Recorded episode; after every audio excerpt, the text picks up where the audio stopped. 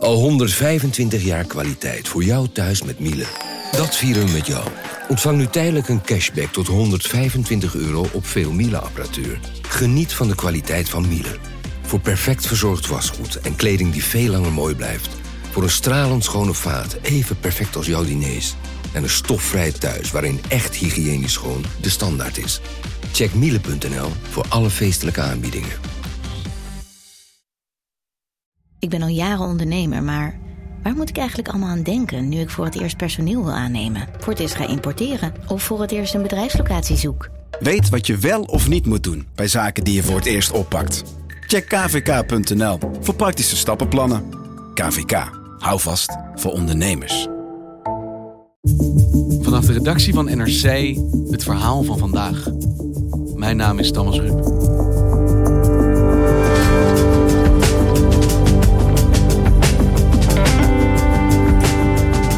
Na een wekenlange periode van quarantaine, straatverboden en nergens naar binnen zonder temperatuurcheck, begint het normale leven in China weer op gang te komen. Inmiddels zijn er in Italië alleen al meer mensen overleden dan daar. Wij hebben het virus verslagen, zegt de Chinese regering. Leer van ons. Maar doen wij dat ook? En hoe kijkt China eigenlijk naar onze aanpak?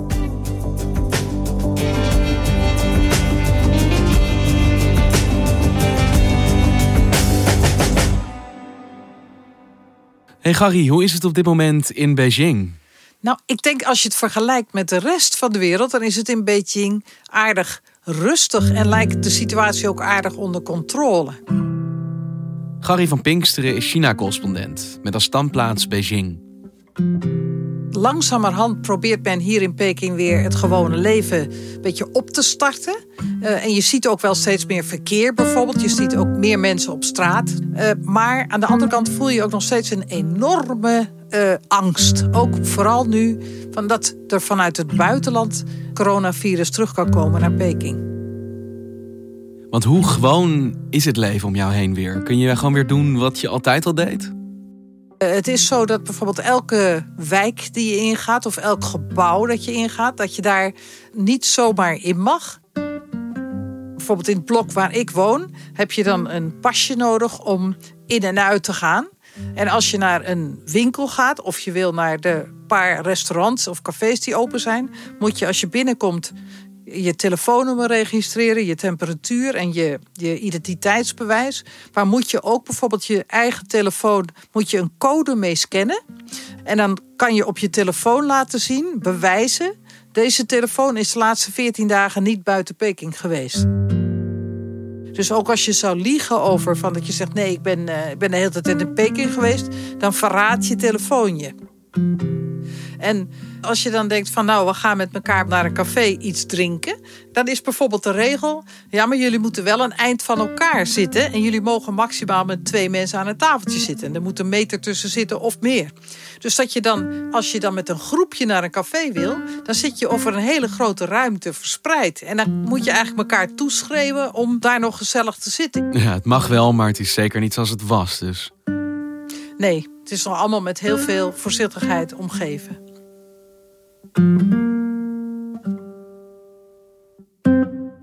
Dus het leven wordt gedomineerd eigenlijk nog wel door maatregelen tegen corona. Maar het virus is daar op dit moment weg? Nee, het is nog niet helemaal weg. Maar dat is wel heel bijzonder. Sinds kort geleden zijn er geen nieuwe besmettingen meer gemeld. Helemaal geen nieuwe besmettingen. Dus dat lijkt erop te wijzen dat de ziekte in ieder geval wel onder controle is.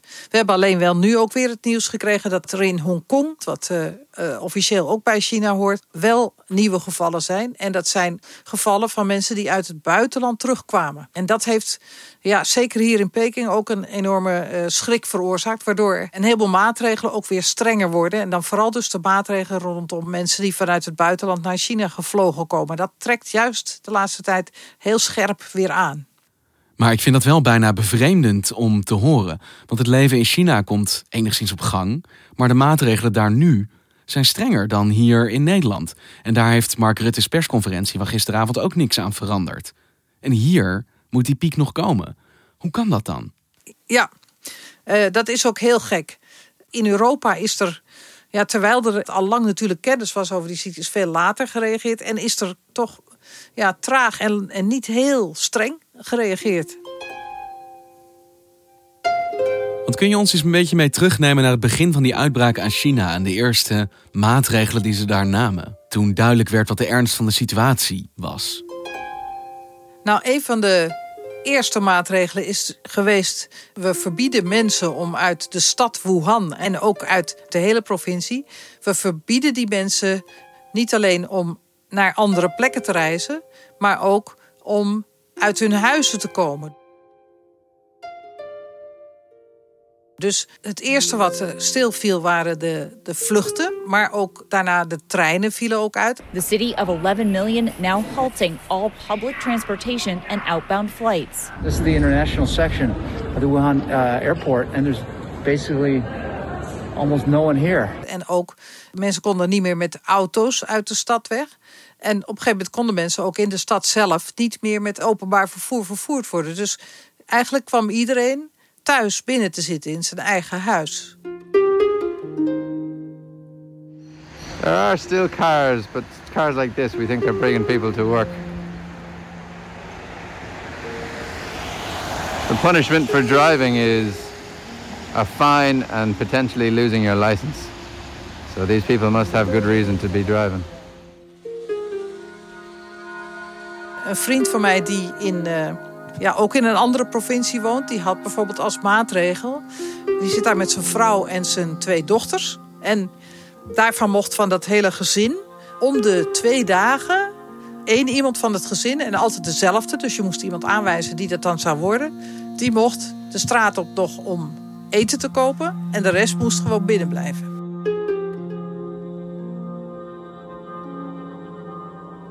Een oudere vriend van mij, die ook weken en weken heeft binnengezeten, die ook niet naar buiten durfde. En die hadden gelukkig, zoals veel mensen, eh, veel eten in huis gehaald om het Chinese nieuwjaar te gaan vieren. En met dat eten hebben ze weken gedaan. En toen het echt helemaal op was, zijn ze eh, vrij kort geleden pas uh, weer naar de winkel gegaan om dan, wat hij zei, 50 kilo eten in te slaan om er weer een hele tijd tegen te kunnen. Dus een heleboel mensen zijn over heel China heel lang gewoon met hun gezin binnen geweest of vrijwel alleen maar binnen geweest.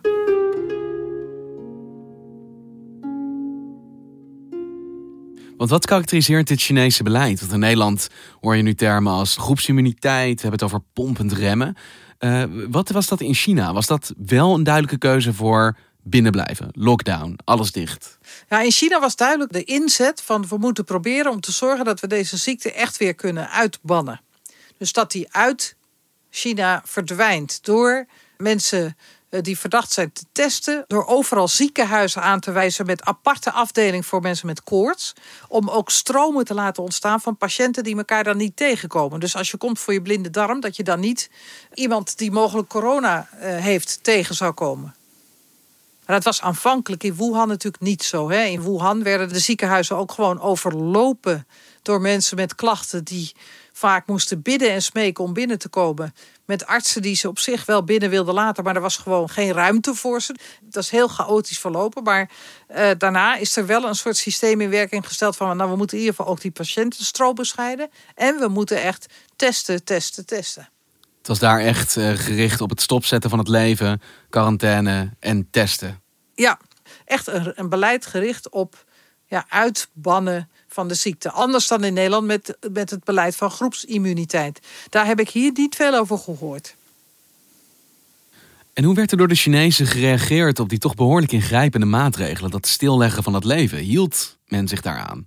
Ik heb het idee dat er veel mensen zich daar wel aan hielden. Hè. Dat, uh, aanvankelijk waren er ook wel filmpjes te zien van mensen die dan naar buiten liepen. En dan kwam er een drone en die zei: U moet naar binnen en zo. Hè.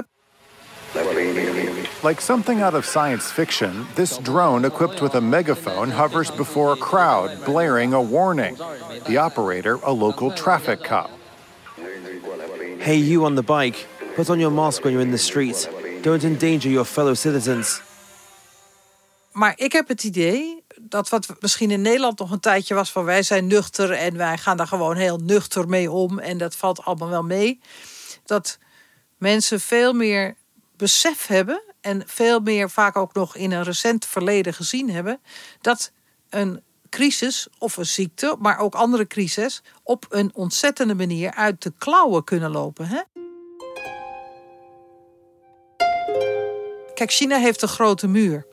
Ik denk niet dat dat voor niets is. Dat is het idee van als je zo'n grote muur bouwt, dan hou je bedreigingen van buiten, die hou je tegen.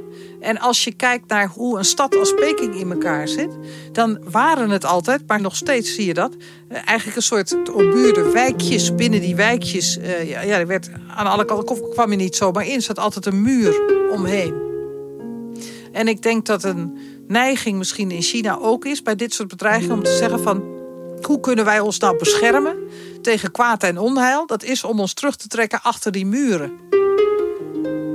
En dat is natuurlijk wel een beetje een ander verhaal en een ander gevoel dan, dan Rutte. Die spreekt over zijn open maatschappij en het internationale. Kijk, China is ontzettend geïnternationaliseerd. Ik bedoel, dat zie je alleen al aan hoe deze ziekte zich heeft kunnen verspreiden. Maar het idee van dat je ook je eigen leven niet per definitie in de hand hebt, dat je niet de meester bent van je eigen lot. Ik denk dat men zich dat in China veel beter beseft.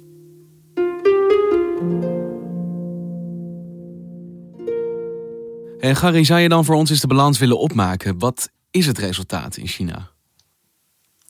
Nou, in China zijn er ruim 80.000 gevallen gemeld. En er zijn ruim 3000 doden gevallen. En als je dan ziet dat, dat er buiten China en in, zeker in Italië ook... dat er zoveel besmettingen zijn, dat het nog zo erg hard oploopt... zover heeft China het niet laten komen na een traag begin. En ja, dat is dus het hele gekke. Dat je denkt, in Italië wonen zoveel minder mensen dan in China. En toch ligt het aantal doden daar hoger. Dat is iets om in ieder geval van te schrikken. Als je denkt van ja, in Italië is de crisis nog niet over zijn hoogtepunt heen. In Spanje ook niet. In andere Europese landen. In Amerika nog niet. Um, maar het lijkt dus alsof die landen veel zwaarder getroffen gaan worden nog. Uh, dan China in ieder geval tot nu toe lijkt te zijn.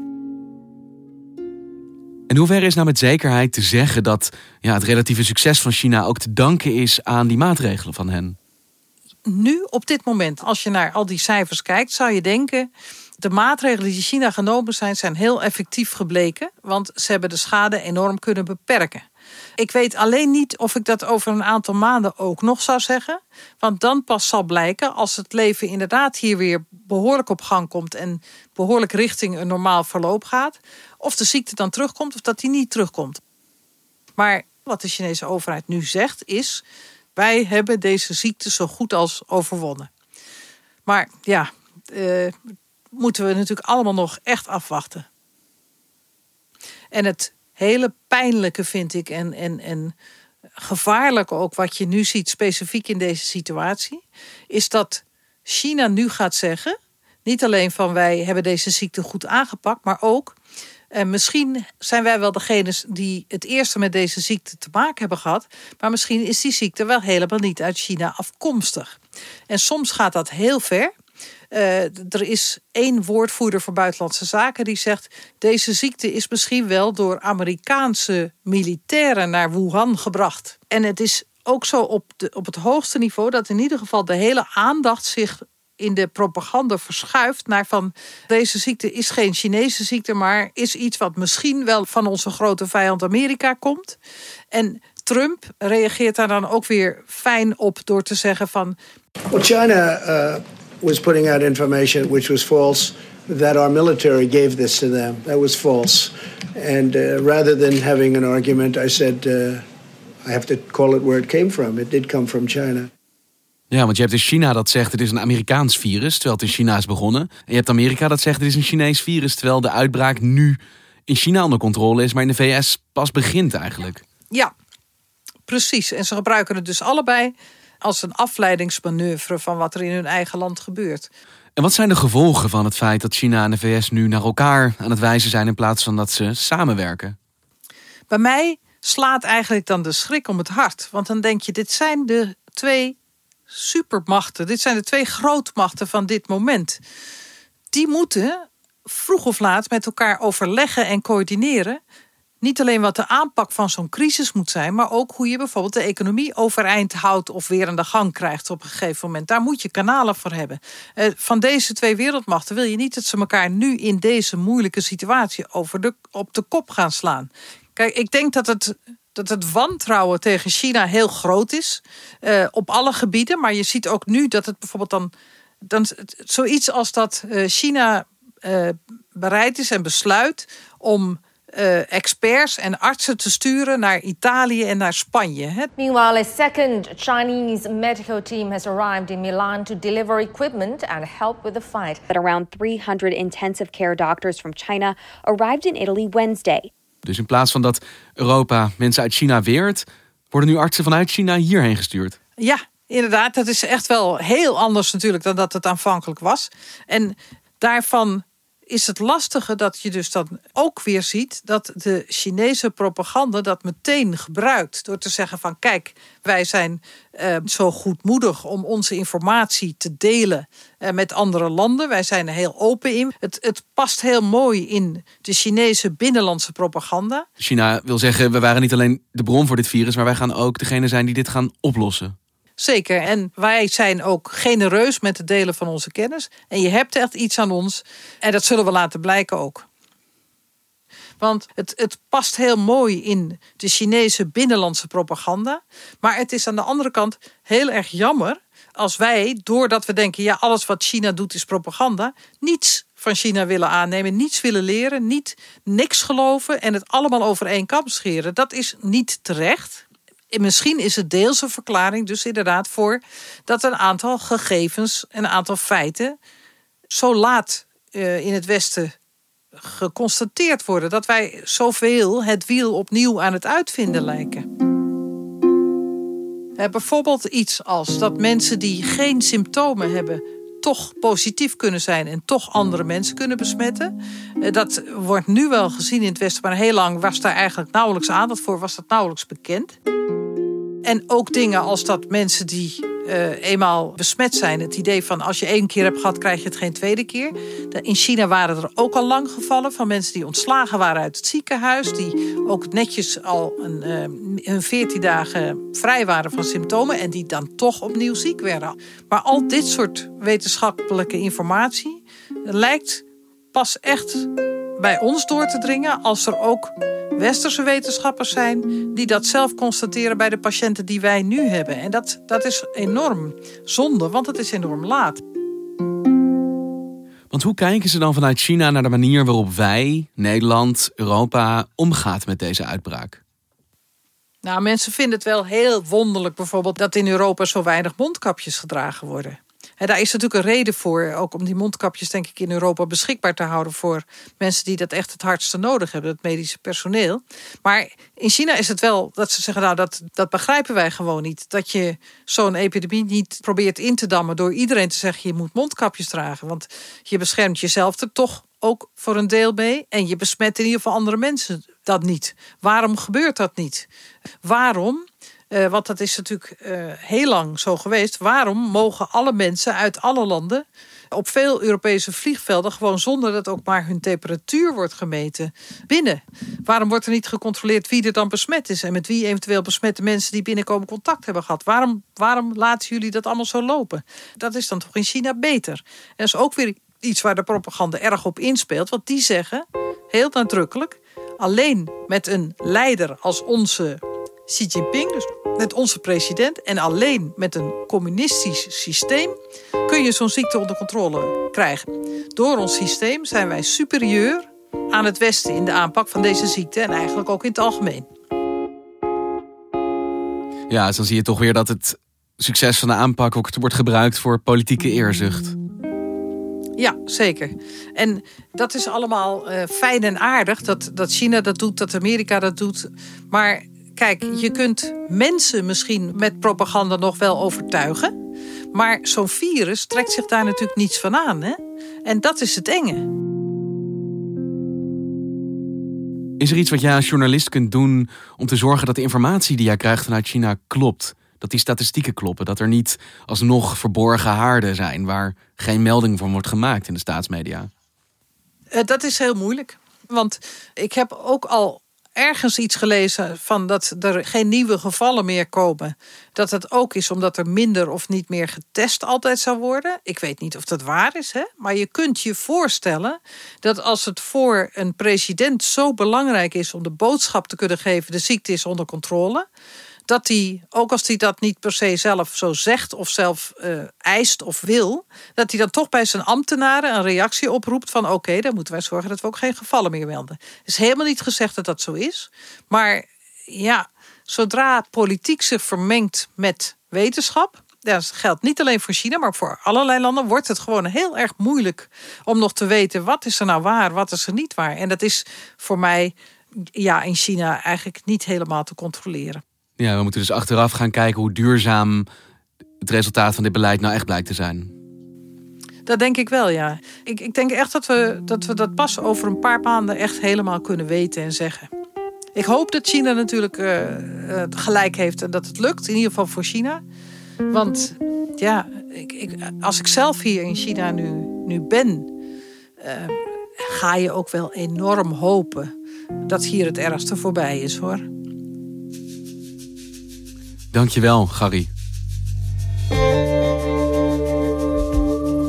Je luistert naar vandaag en we volgen de ontwikkelingen rond de corona-uitbraak natuurlijk op de voet. Zoals de aankondiging van premier Mark Rutte gisteravond dat het samenscholingsbeleid wordt verlengd tot 1 juni en dat dat met boetes zal worden gehandhaafd. Wat betekent dat voor de politie? Ik bel met justitieredacteur Marcel Hane. En Marcel, we hebben Mark Rutte gisteravond horen aankondigen dat ze gaan handhaven nu. Dat die social distancing niet meer je eigen verantwoordelijkheid is, maar dat er dus boetes kunnen worden uitgedeeld. Ik vermoed dat de politie dan op dit moment hartstikke druk gaat worden.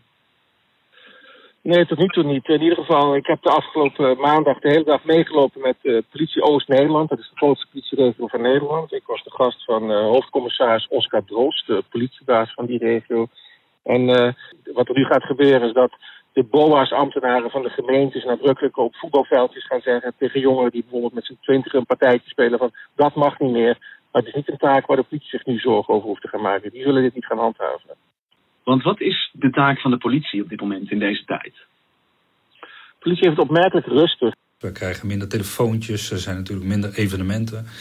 Maar we zien ook wel degelijk uh, minder criminaliteit. Dus het aantal woninginbraken lijkt af te nemen, het aantal overvallen. Het lijkt wel of ook de boeven in quarantaine zitten. Dus ze hebben veel minder te doen dan anders. Het enige moderne probleem waar ze mee te maken hebben zijn de corona-hoesters. Dus er zijn heel veel mensen die uh, kennelijk leuk vinden om agenten te bedreigen met hoesten en uh, wijs te maken dat ze corona hebben als ze worden aangehouden. Dat is buitengewoon ergelijk. Hè? Ik kan me daar gewoon echt heel boos over maken. Hè? Dus dat zijn verdachten die bij een aanhouding uh, dat roepen in de richting van mijn collega's. soms roepen, soms spugen ze. Ehm, nou ja, voor, voor collega's die in deze hele moeilijke tijd dienst doen op straat, met het risico dat ze zelf besmet raken. Nou, buitengewoon onaanvaardbaar. Ik vind het heel serieus op dan heb ik met het Openbaar Ministerie afgesproken dat die mensen in supersnel rechtzittingen voor rechter verschijnen. En dat heeft tot nu toe ook al uh, veroordelingen opgeleverd. De afgelopen week zijn alleen in Oost-Nederland 13 mensen opgepakt omdat ze ja, zich aan het coronahoesten schuldig maakten en uh, agenten bedreigden. Dit accepteren we niet. En als je zoiets doet, ja, dan, uh, dan loop je tegen een flinke straf aan. En met welke toekomstscenario's houden ze rekening bij de politie op dit moment? Maar waar ze bij de politie echt uh, zich zorgen over maken, is dat, uh, dat er uh, via bijvoorbeeld internet veel criminaliteit wordt gepleegd die ze nu niet goed kunnen aanpakken. Dat er veel fraude wordt gepleegd. Er was bijvoorbeeld angst dat er DDoS-aanvallen worden uitgeoefend op ziekenhuizen om juist ziekenhuizen land te leggen. Maar dat gebeurt gelukkig niet. En ik sprak een rechercheur die zei dat er juist op het dark web wordt gewaarschuwd en wordt gezegd we moeten nu niet ziekenhuizen gaan lastigvallen. Dus tot nu toe lijkt het erop dat de, die boeven zich sportief gebruiken waar de politie zich ook wel zorgen over maakt, is huiselijk geweld. Maar ze zijn bang dat uh, mensen nu allemaal zo nadrukkelijk op elkaars lip zitten dat men, uh, dat men elkaar gaat vervelen en gaat slaan. En men is ook bezorgd over kindermishandeling. Dat lastige pubers thuis uh, eigenlijk nauwelijks zijn te handhaven. Dat ouders van armoede hun kinderen gaan afranselen. Een ander probleem waar de politie zich zorgen over maakt is dat als er zo'n totale lockdown komt dat er dan nadrukkelijker gehandhaafd moet gaan worden. Dat de politie dan wel echt de straat op, moet gaan en uh, mensen moet gaan vragen naar een papieren. Waarom ben je op straat? Ben je op weg naar het ziekenhuis? Of uh, ben je een uitzonderlijk beroep waardoor je naar je werk mag? Maar daar is nu gelukkig nog geen sprake van. Dankjewel Marcel. Graag gedaan. Dit was vandaag. Morgen weer.